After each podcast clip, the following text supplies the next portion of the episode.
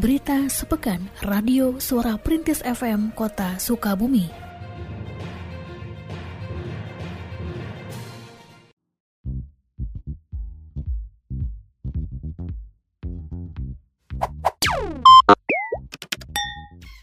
Para ketua RT dan RW di Kelurahan Jaya Mekar mengikuti bimbingan teknis BIMTEK yang diadakan sebagai salah satu kegiatan dalam program pemberdayaan masyarakat memanfaatkan dana kelurahan pada hari Senin 22 November 2021 bertempat di kantor kelurahan. Dalam BIMTEK tersebut, para ketua RT dan RW diberikan wawasan mengenai pengelolaan administrasi serta penggunaan alat pemadam api ringan atau APAR. Adapun narasumber yang dihadirkan salah satunya dari Dinas Kependudukan dan Pencatatan Sipil di Capil, Kota Sukabumi.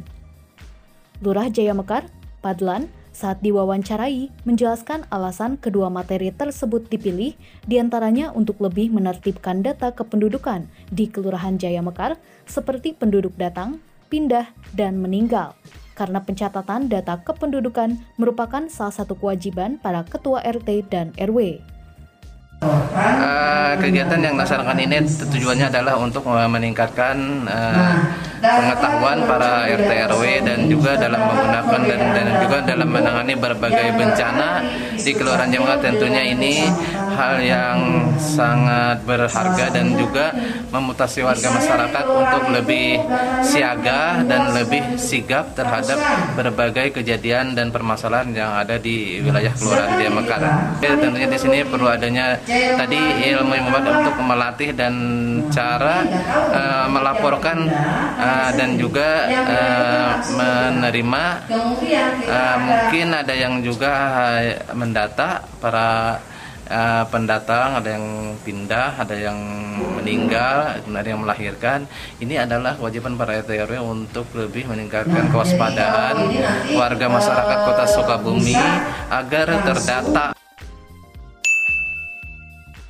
Dinas Koperasi, Usaha Mikro, Perindustrian, dan Perdagangan Diskuminda Kota Sukabumi kembali menyelenggarakan sosialisasi peraturan dan perundang-undangan di bidang cukai hasil tembakau, yang kali ini diikuti oleh perwakilan masyarakat Kecamatan Baros.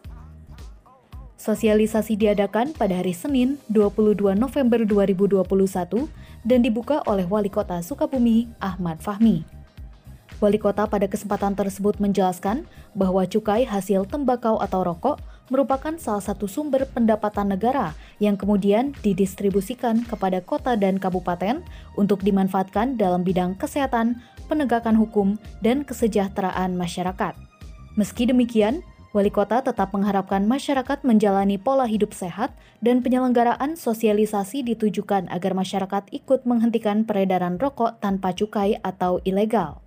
Pada sosialisasi yang menghadirkan narasumber dari Kantor Pengawasan dan Pelayanan Bea dan Cukai Tipe Madya, KPPBC, Pabean Abogor, Wali Kota juga mengingatkan semua pihak untuk tetap waspada dan menerapkan protokol kesehatan pencegahan COVID-19. Karena berdasarkan data yang ada, terjadi kenaikan jumlah kasus COVID-19 walau tidak signifikan. Kewaspadaan tersebut tetap harus dimiliki terlebih menghadapi masa libur Natal dan Tahun Baru. Sebelumnya, selama hampir tiga minggu, nol kasus baru eh, COVID ini. Tapi sekarang mulai agak meningkat lagi, termasuk di beberapa daerah, kota kabupaten sekitar kita juga mulai mengalami kenaikan-kenaikan lagi. Bahkan beberapa negara tetangga kita juga sudah melakukan lockdown kembali. Ini perlu saya sampaikan, tidak lain dan tidak bukan, dalam kerangka kita tetap harus mewaspadai dan taat protokol kesehatan. Ya, jadi saya mohon dukungan dari para tokoh yang hadir pada kesempatan kali ini, tolong sampaikan kepada warga masyarakatnya di wilayahnya masing-masing untuk tetap taat protokol kesehatan. Terlebih lagi menjelang Natal dan Tahun Baru, libur yang agak panjang. Kota Sukabumi merupakan satu di antara empat kota dan kabupaten di Jawa Barat yang menggelar Pekan Kebudayaan Daerah PKD sebagai bagian dari Pekan Kebudayaan Nasional yang diselenggarakan oleh Kementerian Pendidikan, Kebudayaan dan Ristek, Kemendikbud Ristek. PKD Kota Sukabumi dibuka secara resmi oleh Wali Kota Sukabumi Ahmad Fahmi pada hari Selasa 23 November 2021 di kantor Dinas Pendidikan dan Kebudayaan Kota Sukabumi dan dihadiri oleh Wakil Wali Kota Andri Setiawan Hamami serta diikuti secara virtual oleh Dinas Pariwisata dan Kebudayaan, Disparbud Provinsi Jawa Barat dan Ditjen Kebudayaan Kemendikbudristek. Penyelenggaraan PKD Kota Sukabumi mendapatkan respon positif baik dari pihak Disparbud Provinsi Jawa Barat maupun Kemendikbudristek yang menyebutkan bahwa potensi seni dan budaya di Kota Sukabumi sangat besar dan perlu terus digali. Secara khusus, Diswarbud Jawa Barat meminta pemerintah Kota Sukabumi untuk segera melengkapi susunan tim ahli cagar budaya serta merumuskan mengenai warisan budaya tak benda Sedangkan wali kota saat membuka jalannya PKD menegaskan bahwa PKD merupakan salah satu bagian dari edukasi, terutama untuk mendekatkan seni dan budaya sejak dini kepada anak untuk menjauhkan mereka dari berbagai pengaruh negatif seperti tawuran. Selain itu, pada acara pembukaan yang menampilkan beberapa kesenian, seperti paduan suara TK Pembina Lembur Situ, kesenian tari yang dibawakan oleh Sanggar Seni Rancage, serta Calung. Kepala Bidang Kebudayaan Dinas Pendidikan dan Kebudayaan Kota Sukabumi, Rita Handayani, menjelaskan PKD yang mengangkat tema Sukabumian Nanjung di Buana memiliki beberapa tujuan di antaranya merubah cara pandang bahwa budaya bukan hanya sekedar kesenian, tetapi budaya merupakan bagian dari pembangunan berkelanjutan. Maksud tujuan uh, Pekan Kebudayaan Daerah uh, fokusnya pada 2021 jelas ini sejalan dengan uh, tema besar dari Pekan Kebudayaan Nasional tahun 2021 setelah Nusantara Padu, Padu Masa Depan karena memang diharapkan dengan dirutinkan ya uh, event Pekan Kebudayaan Daerah maupun Pekan itu menjadi salah satu uh, event ya event yang memang uh, membuat masyarakat terutama khususnya kota Sukabumi itu betul-betul menghargai kearifan lokal dan melalui uh, penggalian potensi uh, seni budaya yang ada di Kota Sukabumi.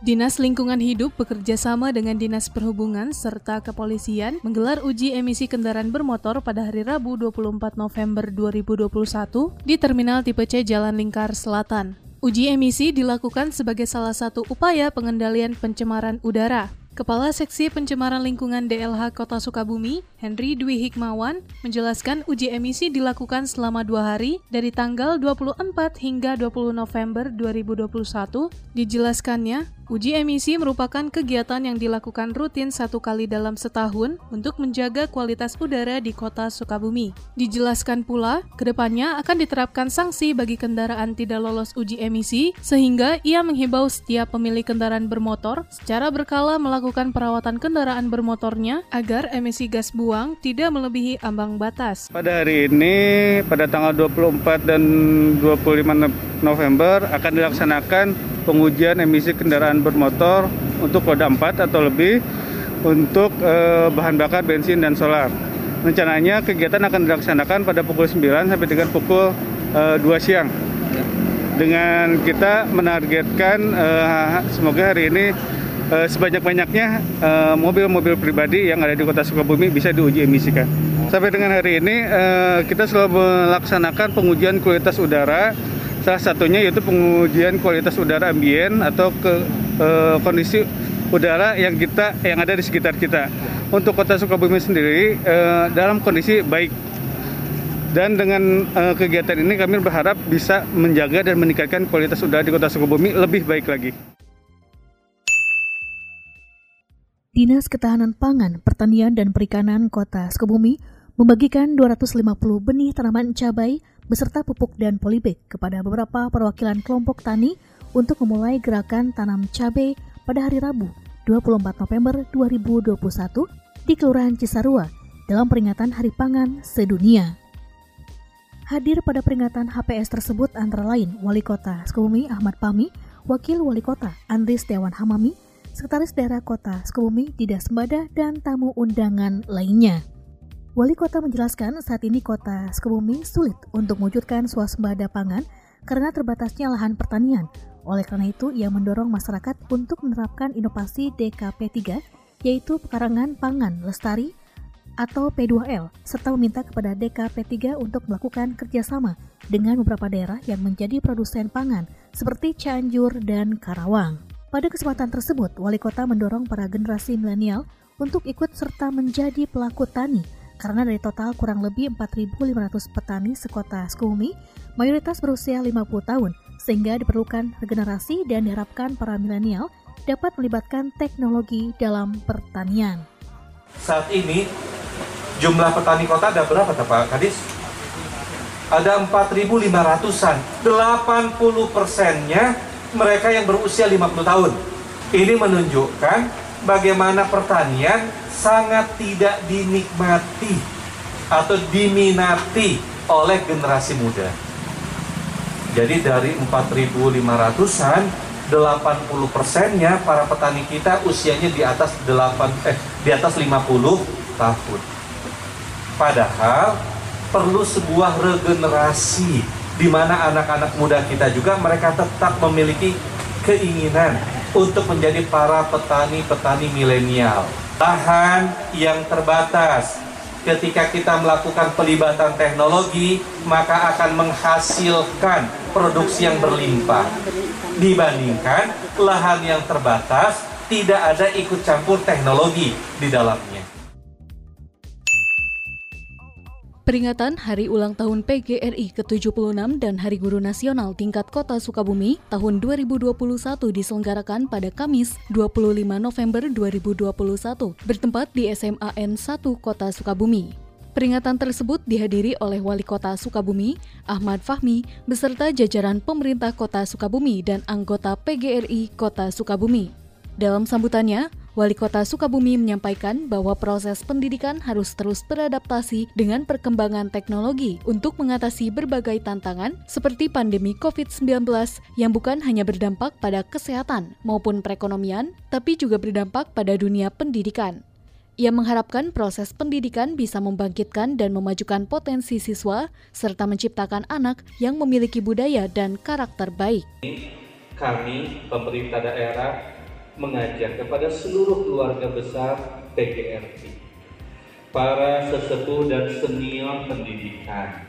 Mari sama-sama kita hadapi pandemi ini dengan kebersamaan yang semakin kuat. Mari kita selamatkan anak-anak kita dengan terus melakukan inovasi-inovasi di bidang pendidikan dan mari terus kita laksanakan tarbiyah, takdib dan taklim untuk anak-anak kita demi semakin baiknya pendidikan di kota Sukabumi ini. Dengan MTQ Kota Sukabumi, kita wujudkan SDM yang unggul, profesional, dan kurani menuju kota Sukabumi religius, nyaman, dan sejahtera. Demikian tema MTQ tingkat Kota Sukabumi ke-41 tahun 2021 yang dibuka secara resmi oleh Wali Kota Sukabumi, Ahmad Fahmi, di Gedung Pusat Kajian Islam pada hari Kamis 25 November 2021. Hadir dalam pembukaan MTQ antara lain Wakil Wali Kota, Sekretaris Daerah, dan tamu undangan lainnya. Wali kota dalam sambutannya saat membuka MTQ menjelaskan bahwa pelaksanaan MTQ diharapkan tidak hanya sebatas rutinitas saja, namun MTQ harus mampu menjadi syiar keagamaan sehingga terjadi proses regenerasi ulama. Sementara itu, Ketua Panitia MTQ, Aang Zainuddin, mengatakan bahwa pelaksanaan MTQ ini bertujuan untuk lebih meningkatkan potensi dan kemampuan peserta dalam menghadapi MTQ tingkat provinsi pada tahun 2022. MTQ akan digelar di empat lokasi, yakni Gedung Pusat Kajian Islam, Masjid Agung, Gedung Kolbun Salim, dan Gedung SD CBM Dewi Sartika. Nah, kegiatan MTQ ke-41 ini insya Allah akan dilaksanakan tiga hari, mulai hari ini Kamis tanggal 25 sampai dengan hari Sabtu tanggal 26. Pelaksanaannya difokuskan di empat tempat, Masjid Agung, Kolbun Salim, kemudian Gedung Puski, dan SDCPM Dewi Sartika. Pesertanya ada sekitar 238 orang dari semua cabang dari tujuh kecamatan. Bagi ke dalam 20 nomor, baik tilawah, hafalan, MFQ, kemudian kaligrafi dan lain sebagainya. Mudah-mudahan dengan MTQ tingkat Kota Sukabumi ini kembali mendongkrak prestasi Kota Sukabumi di Provinsi Jawa Barat yang kemarin sudah loncat ke lima besar dari 13 besar provinsi. Dengan MTQ kali ini meskipun dalam posisi uh, serba terbatas karena kita membatasi dengan protokol kesehatan, mudah-mudahan Sukabumi uh, dapat prestasi kembali di jenjang provinsi dan nasional. Pandemi COVID-19 menjadi sebuah tantangan bagi pemerintah Kota Sukabumi untuk menghadirkan layanan publik karena diterapkannya beberapa pembatasan untuk mencegah penyebaran COVID-19. Meski demikian, konsep Smart City pemerintah Kota Sukabumi yang diterapkan sejak tahun 2017 berhasil menjawab beberapa tantangan yang muncul akibat pandemi. Hal tersebut disampaikan oleh Kepala Bidang Aplikasi dan Informatika Dinas Komunikasi dan Informatika Diskominfo Kota Sukabumi, Yuli Noviawan saat ditemui pada hari Jumat 26 November 2021. Dari enam pilar Smart City yaitu Smart Government, Smart Society, Smart Living, Smart Economy, Smart Branding, dan Smart Environment, Kepala Bidang Aplikasi dan Informatika Diskominfo mencontohkan beberapa inovasi dari berbagai dinas seperti Bursa Kerja Online yang diadakan oleh Dinas Tenaga Kerja Kota Sukabumi. Kepala Bidang Aplikasi dan Informatika Diskominfo menyebutkan berdasarkan hasil penilaian Kementerian Komunikasi dan Informatika bulan Mei lalu, penerapan Smart City mendapatkan hasil penilaian yang meningkat dan membuktikan konsep Smart City bisa menjadi solusi pada masa pandemi. Melihat dari surat dari Kementerian Kominfo, Alhamdulillah Kota Sukabumi yang tahun 2020 ya, yang 2021 karena dilaksanakan Desember nanti, yang 2020 itu impactnya program-program Quick Win Smart City impactnya positif jadi naik dengan adanya program-program tadi jadi eh, apa namanya program Smart City ini menjadi solusi untuk masa pandemi COVID dan itu terlaksana. Contoh yang lain misalnya di di Capil ya. Di Capil itu ternyata yang menggunakan aplikasi Kamboja Sari datanya ada itu naik ya jadi tidak perlu datang ke sana itu naik jadi dibatasi pergerakan masyarakat itu juga naik menggunakan aplikasi itu Berita sepekan Radio Suara Perintis FM Kota Sukabumi